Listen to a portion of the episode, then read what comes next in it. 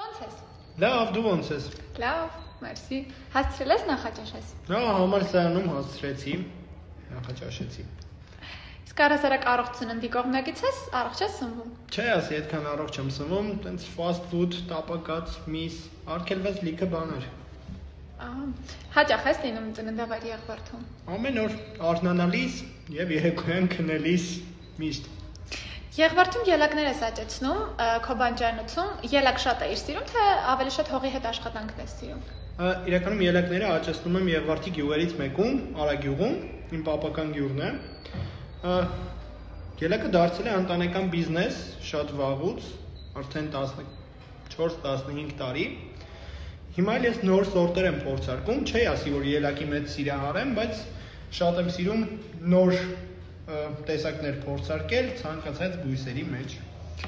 Իսկ ի սկզբանե ելակները վաճառելու միտք է եղել, թե ժամանակի ընթացքում առաջացավ։ Իրականում սկզբից եղել է շատ փոքրիկ հատված ելակները, բայց հետագայում դարձել է մոտավորապես 3 հեկտարի չափ։ Ու այսօր դարձել է լավ բիզնես։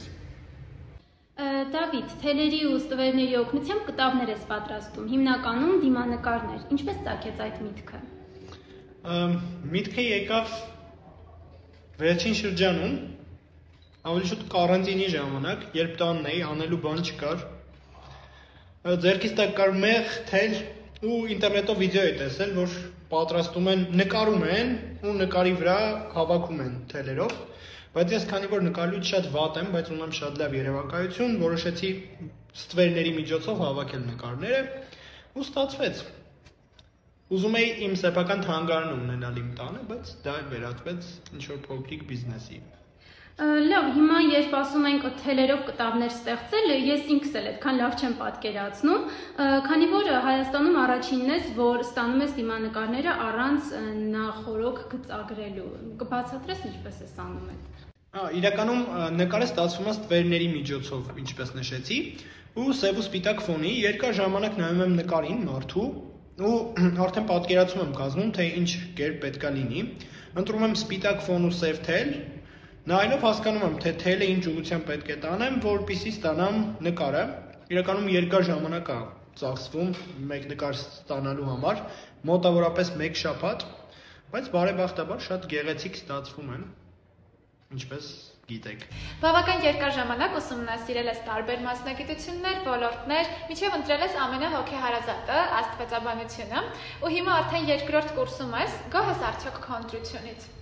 Հա, իրականում աստվածաբանությունը իմ համար նոր ճանապարհներ հարթելու ուղի է, ինչպես քիչ առաջ դասախոսս նշեց, է դուք վերջին աստվածաբաններն եք այս երկրի ու իմ համար այդ մեծ պատիվ է, համ տխրություն է, համ պատիվ լինել վերջինը, բայց այս ոլորտը իմ համար բավականին հետաքրքիր է նրանով, իմ մասնագիտությունը կոնկրետ կրոնագիտությունն է։ Ես ուսումնասիրում եմ ոլորտ կրոնները, ու մարդկանց լավ ճանաչելու համար պետք է ուղղակի իմանաս լավ կրոն, որովհետև ցանկացած մարդ, որը պատկանում է ինչ-որ կրոնի, դու իրան կարես բացահայտես իր կրոնը իմանալու միջոցով։ Իսկ ես ուզում եմ հետագայում զբաղվեմ քաղաքականությամբ, միջազգային հարաբերություններով ու իմ համար ցանկալի է ճանաչել բոլորին։ Կպատմես քո Instagram-յան շտապօգնության մասին։ Այն ժամանցային հումորային էջ է ու ավելի քան 30000 հետևորդ ունի։ Իրականում բլոգ վարել սկսել եմ դեռևս 12-13 տարեկանից։ Առաջի բլոգս եղել է full blog, բավականին ակտիվ էջ էր։ Բայց փակեց Instagram-ը իր ակտիվության համար, որովհետև օրական մոտավորապես 80 post էր լինում, մտածեցին spam էջ է։ Ը, Ու հետագայում միտք ծագեց նորից զբաղվել բլոգով, բացեցի շտապ օգնություն էջը, ը,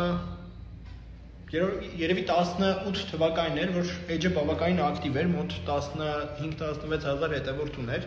ու ես ստացա առաջարկ վաճառելու էջը այդ ժամանակվա համար բավականին կլորիկ գումարով 10000 հետևորդը վաճառեցի մոտավորապես 200000 դրամով ու հետագայում էլի ցանկություն առաջացավ էջ վարել, էլի հասցնել տենց մեծ քանակի ու վաճառել ոնց որ 14-15 տարեկան տղայի համար արագ գումար աշխատելու լավ միջոց էր, բայց էջի միջոցով ձեռք բերեցի ինչ որ չափ ճանաչում, սկսեցի իմ պատրաստած իրերը գովազդել, վճարովի գովազդներ էի անում, ու նաև շատ ընկերներ ձեռք բերեցի։ Ռեջի հիմա կա, բայց այդքան էլ ակտիվ չի։ Զուտ գոյությունը ապահովելու համար մեկ-մեկ post եմ անում։ Առհասարակ Instagram-ում բավական ակտիվ ես, թե անձնական էջում, թե բիզնես էջերում։ Նպատակ կա այդպես ակտիվ բլոգեր դառնալու։ Հա, իրականում սիրում եմ ուշադրության կենտրոնում լինել։ Պլյուս, երբ զբաղվում եմ արշավներով, սիրում եմ մարդկանց հետ կիսվել իմ արշավական առօրյայից կամ ընդհանրապես իմ առօրյայից։ Հիմնականում ստորիներ եմ անում Հայաստանի ինչ որ տեսարժան վայրերից կամ ինչ որ ուսուցողական ստորիներ միտք կա հետագայում ինֆլուենսեր դառնալու էլի։ Համասարանում աստվածաբանությունից զատ ակտիվ ես արշավների ակումբում, բազում արշավ, արշավներ ես կազմակերպում, լեռնագնացություններ, ինչն է այստեղ ամենաշատը քեզ գրավում։ Հա, համալսարանի արշավական ակումբում եմ եղել, նշեմ, հիմնադիր անդամներից եմ եղել, ու հիմա էլ համալսարանի արշավականի հետ կապ ունեմ, բայց իմ տարերքը լեռնագնացությունն է, ես շատ-շատ եմ սիրում լեռներ, քանի որ լեռներում մարդու օրգանիզմը սկսում է հակառակ աշխատել, թոքերը, սիրտը, բոլոր օրգանները սկսում են ազատ շնչել, ազատ ապրել, իսկ ես շատ եմ սիրում ազատություն ու սիրում եմ վայելել այդ ազատությունը։ Դա իմ դրդապատճառն է արշավներով զբաղվելու ու սկսեցի ինքս արշավներ կազմակերպել Քանի որ նաև ունեմ արշավական փոքրիկ ստարտափ, ու միտք ունեմ Հայաստանում արշավները, լեռնային արշավները զարգացնելու, իմ կարգախոսն էլ Հայաստանի Գառնի Գեղարդ Սևանով չի վերջանում։ Ես սկսեցի իմ արշավականը, որը կոչվում է Easy Visit, հեշտ ճամփորդություն, ու հեշտ կերպով ուզում ենք բացահայտել Հայաստանը ու մյուսներն էլ բացահայտեն Հայաստանը։ Երևի այսքանը սարի մասին ու արշավների մասին շուտով նպատակ ունեմ Մասիս սարը բարձրանալ, ավելի շուտ առաջինը Սիսը, հետո Մասիսը, քանի որ Սիսը չբացահայտված է ու ավելի բարդ, իսկ ես չեմ խուսափում բարդությունից, ձգտում եմ փոքրից մեծին հասնել, փոքր Մասիսից մեծ Մասիսին, ու ընթացքում էլ բացահայտել պապերիս հողերը Արևմտյան Հայաստանում։ Եղել ես Արևմտյան Հայաստանում։ Չէ, չեմ եղել, բայց Պարզել եմ, որ մեծ պապս եղել է Կարսի Բայրախտար գյուղից, ու պապական տունս դեռ կանգուն է։ Ուզում եմ գնալ, տեսնել, ծանոթանալ տարածքին, ու ինչու ոչ հետագայում այդ տարածքներում տուն ունենալ ու ապրել, կամ հենց պապական տանս ապրել։ Ասում են, որ մարդ ինչքան շատ է իր սիրած գործով զբաղվում, այնքան երջանիկ է։ Քո դեպքում այս բանաձևը գործում է։ Չէ, ասի, որովհետև իմ սիրած գործերը շատ-շատ են ու ես միշտ նոր բան եմ բացահայտում Երջանկությունը իմ համար այդ նոր բան բացահայտելու մեջ է, ամեն անգամ ինչ որ նոր բան սովորել, նոր բանով զբաղվել, ոչ թե իրականում այդքան ժամանակ այդ հինը պահելու մեջ է։ Ես երջանկության բանաձև որպես այդպեսին չունեմ։ Իմ համար զուտ երջանկությունը այն է, որ օրը սկսվի լավ, լավ տրամադրությամբ, արևոտ ու ավարտվի արևոտ, չգիտեմ, ժպիտներով, նորմալ հավես մարդկանցով շրջապատված։ Երջանկությունը դրա մեջ եմ ես տեսնում։ Կարելի ասել, որ դու ապրում ես առանց հաջորդ տարվա մասին մտածելու։ Ну, սիրում եմ ապրել պահը։ Տենց ասացված կա լատիներենով carpe diem, ապրիր պահը, բայց չէ, մտածում եմ ապագայի մասին, ես միշտ պլան ունեմ գծած, թե ինչ եմ անելու հետագայում, ոչ թե ինչ որ օրակարգ եմ իմ համար սահմանում, որ այսինչ ժամին այսինչ բանը կանես, բայց գիտեմ մոտավորապես ինչ պետք է անեմ ու ոնց անեմ, որ ավելի լավ լինի հետագայում։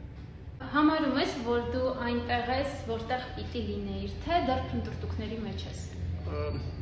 Եթե կյանքի այս փուլի հետ կապված ասեմ, այս այս պահին ամենալավ տեղում եմ, որտեղ ես կարայի լինեի ամբողջ կյանքում, որպես 20 տարեկան երիտասարդ, բայց չեմ կարծում, որ կյանքը սենց կշարունակվի ու այս ուղիում կմնամ Հաստատ շատ մարտահրավերներ դեռ կլինեն իմ առաջ, իսկ ես չեմ խուսափում դրանցից, քայլում եմ դրանց ընթառաջ ու վստահաբար կփոխվի կյանքս, այս բանն էլ հաստատ կանցնի։ Դավիթ մանկուց դաշնամուր ես նվագում, նաև երաժշտություններ գրում, կպատմես մի փոքր։ Հա, 5 տարեկան էի, գնացի երաժշտական դպրոց, գործիքը սինթեզատորն էր, բայց երկրորդ դասարանից երաշտական դպրոցի արդեն նվագում էի դաշնամուր որպես երկրորդ գործիք։ ավարտեցի երաժշտական դպրոցը 10 տարեկանում, 10-11 ու որոշեցի ավելի պրոֆեսիոնալ երաժշտությամբ զբաղվել։ Մինչ այդ հասցրել էի մի քանի գործիքի եւս դիապետել, դհոլ, բարաբան, դուդուկ սովորեցի մի պահ նույնիսկ, բայց անցա պրոֆեսիոնալ երաժշտության ու սկսեցի գործիքավորմամբ զբաղվել մասնավոր պարապմունքների գնացի, բան, բայց վերջում սկսեցի ինքնուս արդեն ինձնով սովորել նոր ծրագրեր ու այդ սովորելը հանգեց բերեց նրան, որ սկսեմ երաժշտություն գրել, գործիքավորում անել ու ինչ որ չափով ինձ կոմպոզիտոր համարել, բայց այս բանին չեմ զբաղվում պրոֆեսիոնալ երաժշտությամբ, զուտ իմ համար նոր ուղիներ փնտրեցի, իսկ երաժշտությունը մնաց հոբի, բայց ունեմ որոշ գործեր ու ամեն անգամ երբ նստում եմ դաշնամուրի դիմաց, նոր ինչ-որ գործ եմ հորինում։ Երբեք չեմ սիրում նույն բանը նվագել, մի քանի անգամ այլ միշտ իմպրովիզների ու էքսպերիմենտների միջոցով ստանում եմ ինչ-որ հետաքրքիր բաներ։ Հիմա մեզ համար ինչ-որ իմպրովիզ կմտածես։ Խնդրեմ, հեսա նվագեմ, դեսեք։